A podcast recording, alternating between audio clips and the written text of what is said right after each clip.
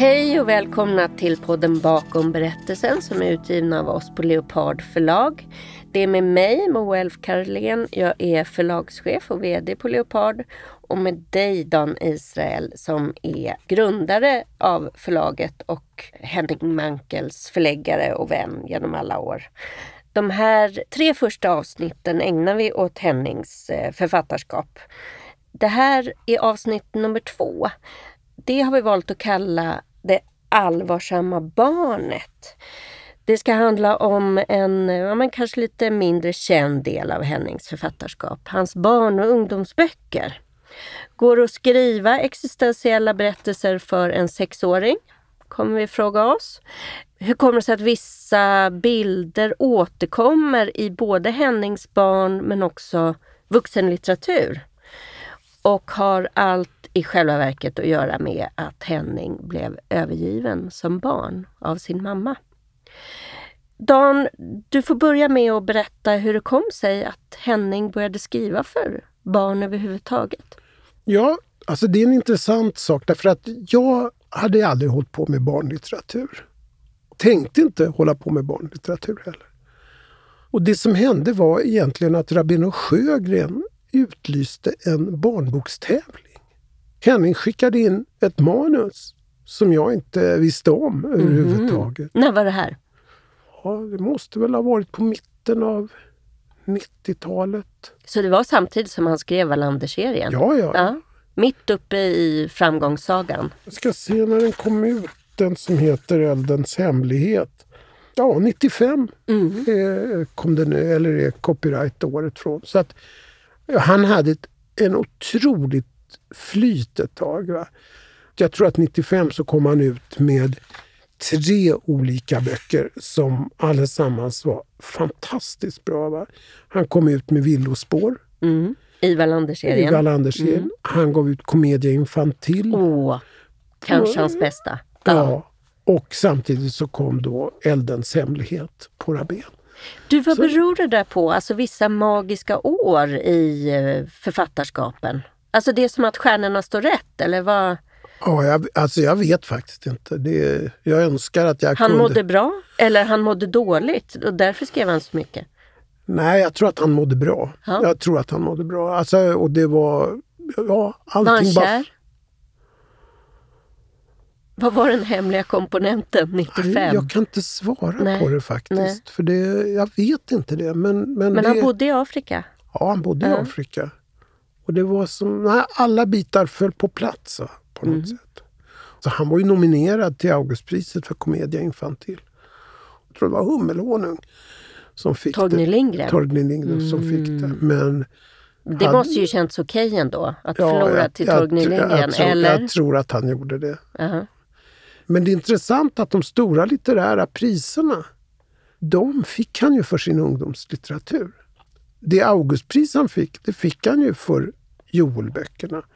Stora tyska. Stora tyska. Bar, ja. Nils Holgerssonpriset, Deutsche mm. Jugendliteraturpreis. Där sopade han hem alla de här. Uh... Men det var 95. Han lämnade in ett bidrag till Rabén och Sjögrens ja. tävling. Som alltså hette Eldens hemlighet och som verkligen inte en, en lättsam bok om Nej. man säger så. Den handlar ju om en, en flicka som är 11-12 år och som går på en liten stig med sin syster. Och de har fått strikta förhållningsorder om att de får inte ta något steg utanför stigen därför att det har varit inbördeskrig i Mosambik under ett antal år och terroristerna, de som fick stöd från Sydafrika, hade ju grävt ner miner överallt. Och den här lilla flickan, hon tycker hon kan inte hålla sig. Hon studsar fram på stigen och råkar ta ett steg vid sidan om och får benen bortsprängda, systern dör. Och så handlar det om det som Henning tror jag skriver i förordet där, att det vackraste ord han vet på svenska det är okuvlig. Och Sofia, hon är okuvlig. Det, det är en av de här berättelserna som har du läst den så stannar den kvar. Och det är också en av karaktärerna i boken som säger det. Att har du träffat Sofia så glömmer du henne aldrig. Mm. Det är en karaktär som inte lämnar dig någon ro egentligen. Men det som du säger, den är ju väldigt mörk för att vara skriven för barn, eller? Jag tror att det är hemligheten bakom Hennings framgångar som barnförfattare. Att han skrev om livet som det var och försökte inte, försökte inte lägga det till rätta, sockra. Så ser livet ut i Mosambik. Sofia inte bara överlever utan skapar sig sitt eget liv, lär sig sy på maskin och blir... Till och med cykla. Ja, mm. och den som, som håller ihop familjen. Jag har ju träffat Sofia. Det, hon För har... Sofia finns i verkligheten? Ja, ja absolut. Så vad var den verkliga historien? Ja, den var så. Den var precis den Henning berättar. Han träffade henne när hon, eh, på, när hon eh, höll på att rehabilitera sig, lära sig gå på proteser. Och så blev de vänner. Och jag tror möjligtvis är det så att symaskinen var det faktiskt han som betalade för. Eh, I boken får hon den till skänks. Utav, ja, just det. Men de blev ju väldigt goda vänner. Och, eh, för det var väl så att Hennings dåvarande fru Kari arbetade på sjukhuset. Så det var därför som Henning var där. Och så råkade han träffa Sofia. Ja, jag tror att det var så faktiskt. Ja. Så att de, det finns väldigt fin bild där de sitter på en liten gatumur och pratar med varandra. Så de blev vänner för livet? Absolut. Och det blev tre böcker? Det blev tre böcker för, och allesammans kom ut på Rabén. Mm. Så att eh, jag har ingen del i dem. Eh, jag har inte redigerat ett dugg. Nej, men det, det är tre väldigt bra böcker. Men den första boken, den blev en sån där bok som alla barn läste. Jag tror att, att när de gick i femte klass så fick de den där boken. Eh, och det var ett sätt att ja, lära sig om världen och sådär. Jag vet att när jag tömde Henning Mankell-museet uppe i Sveg så hittade jag ju inte ett brev utan hundratals och åter hundratals brev från olika barn som hade... Jag tror att det var en uppgift de fick att när de hade läst boken så skulle de skriva till Henning och berätta. Den brevsamlingen finns på KB nu.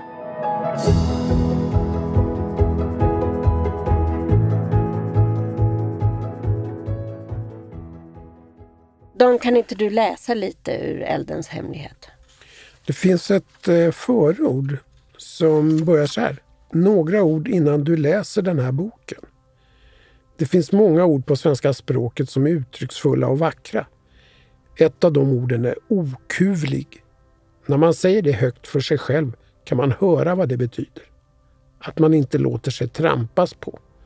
Att man inte ger sig. Den här boken handlar om en okuvlig människa som heter Sofia. Hon finns i verkligheten och hon är 12 år. Hon lever i ett av världens fattigaste länder, Mosambik som ligger långt nere på Afrikas östkust. Den här boken handlar om henne och något som hände. Något som kom att förändra hela hennes liv. Ja, det är ett lysande förord faktiskt. Han var så där rak. Ja, eller nej, hur? Men alltså, först, boken, så här börjar boken.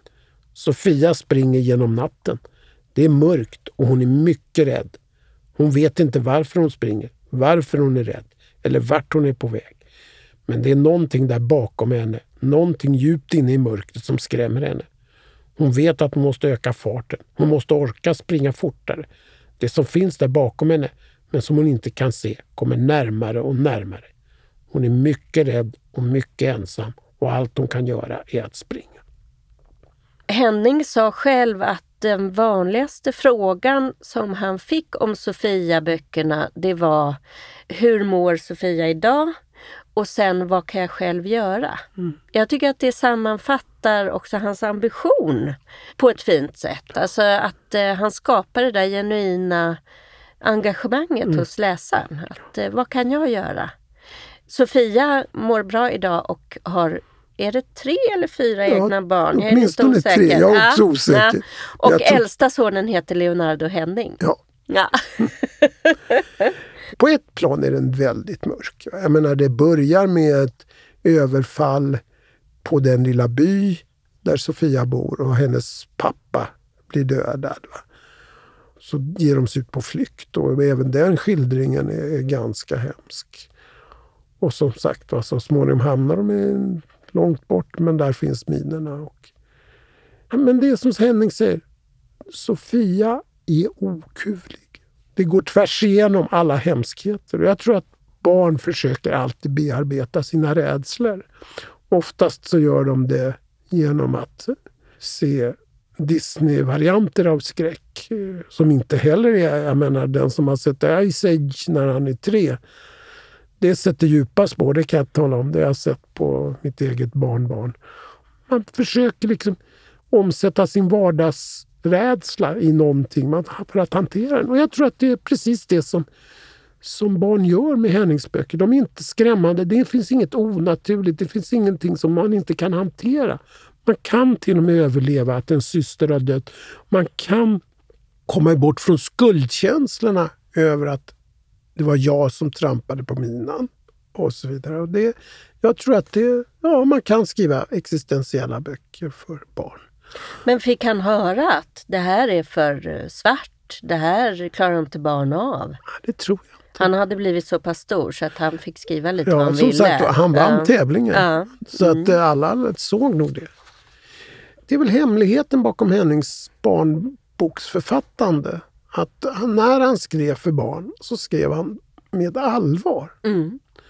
Och det, det, du ställde den här frågan från början eh, om kan man skriva en bok om existentiella frågor för barn? För sexåringar. Och, och, och det var ju det han gjorde. Det är ju Katten som älskade regn. Som handlar om en sexåring som har en katt. Och en dag så springer katten bort. Och så föräldrarna försöker trösta honom med att säga att eh, ja, men katten har, han har sprungit till regnlandet. Han älskar regn, han har sprungit till regnlandet. Och sådär. Och han kommer nog tillbaka. Men katten kommer inte tillbaka. Nej. Jag vet ju, jag satte ju den där boken i händerna på min sexåring, Johanna. Det här var den första bok hon läste själv, på egen hand. Och hon blev fullständigt rasande. Mm. Kom ut och sa Den kom inte tillbaka! Varför kom den inte tillbaka? Men hon var van vid att alla böcker hade happy ending. Ja.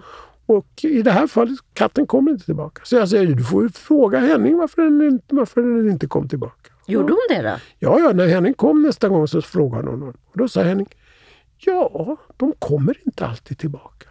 Men du vet, det går bra ändå. Du växer, du får nya vänner. Och katten bär du alltid med dig här inne i, i hjärtat. Och sen när Henning dog så ställde sig Johanna upp på hans begravning Mm. och så sa hon Henning och jag skulle ha åkt till Paris nästa månad. Men det blir inte av.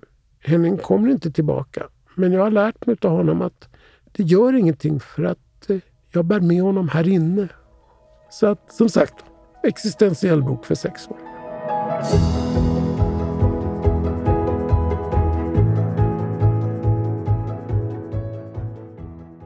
Den av hans eh, barnböcker som kanske eh, handlar mest om honom själv, är det Joel-böckerna?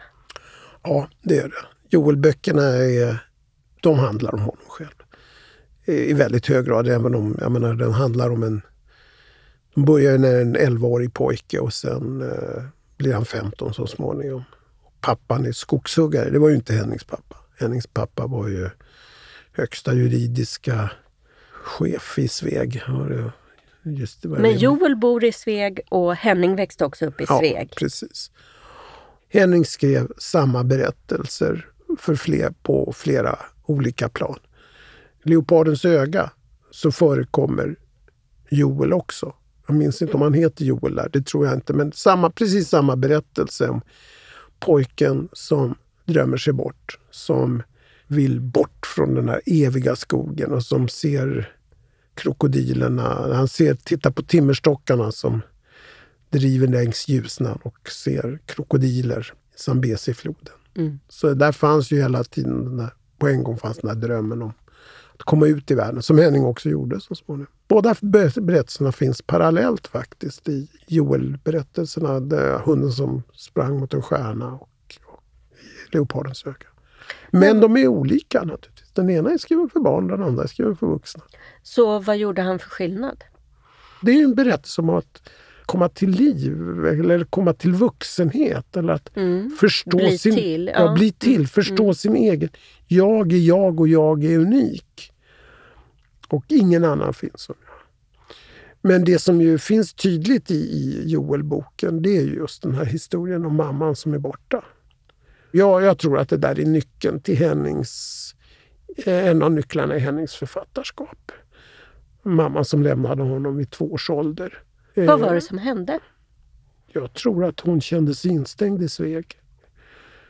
Hon klarade inte av att vara där och eh, barnen var inte tillräckligt. Det är väl kanske lite det, det, hela den här diskussionen som förs nu om föräldrar som inser att de borde kanske inte ha skaffat barn. Eller som, inte, som tycker att barnen inkräktar för mycket på deras liv. Jag tror inte att Henning och hans... Han hade ju en bror också, så, han, så en yngre bror. Så att mamman lämnar en tvååring och en ettåring. Och eh, till pappan. Och pappan klarar det och eh, fostrar de två barnen. Ja, alltså Henning hade, han talade allt med, med värme om sin pappa. Va? Men samtidigt så, så fanns den där... eh, Jag tror att det, taggen var så här. Varför räckte inte jag till? Hur då? Varför lämnade, att hon lämnade pappan kan han väl förstå, men varför lämnade hon mig? Jag tycker att det där temat om det övergivna barnet, den går igenom i så många utav Hennings böcker. Den går igenom i Commedia infantil. Mm. Den går igenom i villospår. Alltså inte, inte i och för sig att man har blivit bara lämnad av sin mamma, men just det utsatta barnet, barnet som ö, ö, utsätts för övergrepp eller som lever på gatan. Eller Sofia som spränger sina ben, får sina ben bortsprängda. Det var grunden för Hennings humanistiska engagemang någonstans. att Det finns överallt finns det övergivna barn eller barn som har utsatts för, för hemskheter. Och de måste man visa solidaritet med. Och det var det som drev honom någonstans. Tror jag. Han stöttade ju också under alla år SOS Barnbyar och byggde också barnhem, eller hur? Ja, alltså han, det finns, i Mosambik finns Mm. det en, eh, en SOS Barnby som han bekostade helt och hållet. Mm. Träffade han någonsin mamman igen? Han träffade henne en gång när, hon, när han var 15. Det finns faktiskt med i en av Joel-böckerna. Och då sa hon bara, krama mig inte, jag är förkyld. Jag tror att där finns, jag menar också Hennings, det vi pratade om sist, Hennings våldsamma behov av att skriva. Mm. Jag tror att det föddes där. Det är att man, inte, man måste uttrycka sig. Han, han hade tvång att uttrycka sig. Det här förhållandet till mamman, nu tar jag mig verkligen ut på svag is här känner jag, för det är helt spontant när vi sitter här. Men jag tänker på hans närhet till Ingmar Bergman och eh, att han såg upp så mycket till Ingmar Bergman på något sätt. Ja, det finns något kring mamman där. På ett sätt var de ju väldigt lika. Henning sa ju så här, ingenting får stå i vägen för min kreativitet. Mm. Och det var väl Bergmans motto också i väldigt hög grad. Ingenting. Personliga relationer, barn, fruar. Ingenting fick stå i vägen för ens kreativitet. Så man offrade hellre personerna än slog sig till. Skapandet. Ja. Mm. Det är klart hos Bergman fanns ju, där fanns väl den här, det var väl pappan mer än mamman. Ja, mamman som svek i och för sig. Ja, det är det jag inte, inte, på. inte, Ja. stött, inte stöttade honom mot pappan. Överger. Ja. Ja. I Villospår, Mm. som ju vi pratade om förra gången, men som ju handlar om en pojke som är 14-15 år och som begår bestialiska mord, som är psykotisk. Eh, Men som hämnas då. Han har fått reda på att hans syster har utsatts för övergrepp. Och så dödar han en justitie, för detta justitieminister och lite andra höjdare, plus sin egen pappa.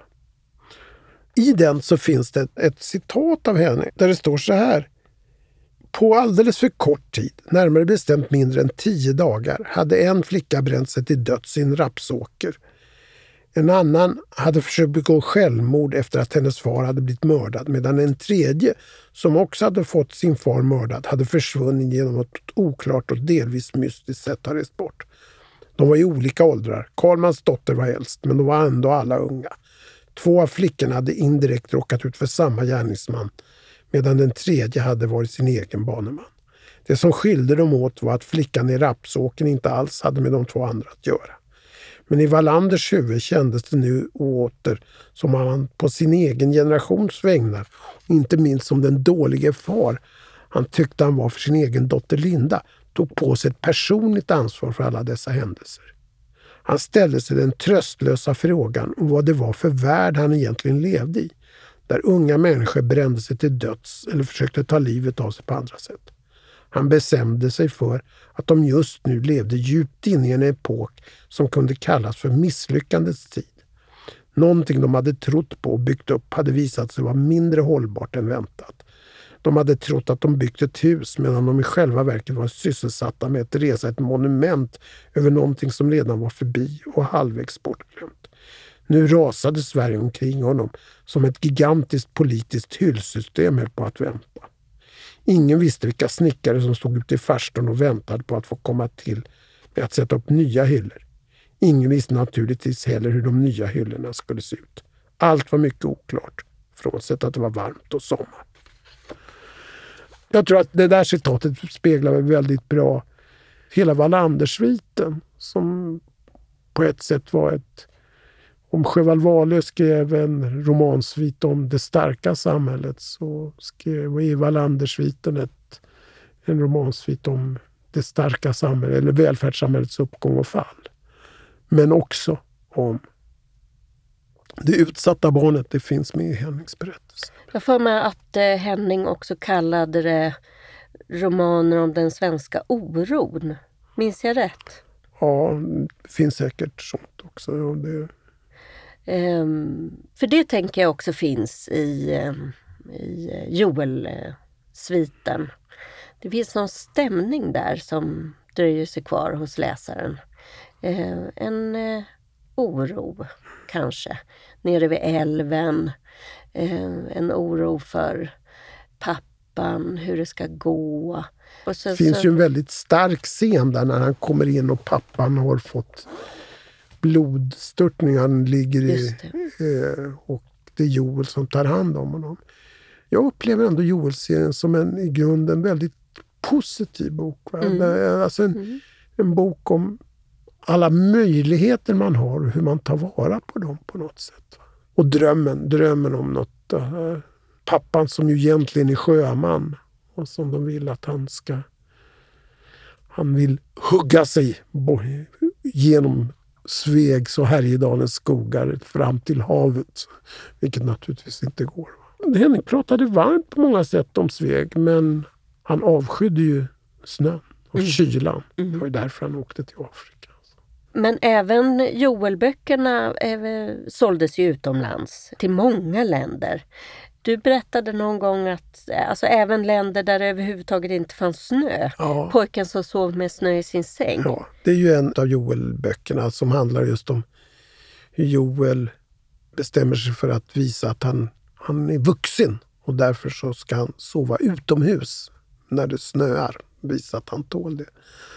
Och Henning, det, det var, den såldes till Vietnam. Och Henning sa, är det inte jättemärkligt att den säljs till Vietnam. Och jag sa nej, jag tror att det är det som är litteraturens gränsöverskridande kraft. Att jag menar, barn i Vietnam eh, vet kanske inte vad snö är, men de vet vad det innebär att stå på gränsen till vuxenblivandet. Och de kanske låter sig bitas av myror istället för, för att ligga ute i snön. Men de känner igen sig.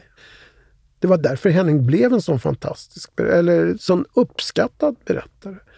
Man kan ju tycka så här, han, Wallander handlar om Ystad, Skånelängor, rapsåkrar, ingenting som någon kan associera till. Men jag tror att det är tvärtom. Alla kände igen sig i den här beskrivningen av det lilla samhället som där plötsligt hela världen väller in och sätter sitt avtryck och man inte kan det finns väl ingen plats på jorden idag där inte globaliseringens följder märks. Det, och även om de själva är... De, man känner just det där att här sitter jag, jag har inte gjort något och ändå så kommer alla de här krafterna. Hur ska jag göra för att klara det? Var det det som var det universella? Som Ja, det- gjorde att han fungerade så väl tror- utanför Sverige? Ja, och sen tror jag, alltså, sen finns det ju en sån enkel faktor som att han var en väldigt bra berättare.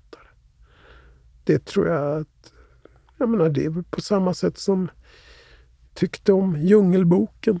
Jag menar det, bra berättelser går, fungerar oavsett om det är man kan associera till dem eller inte. Man finner väl en fascination för Ka, ormen Ka, lika väl som en älg.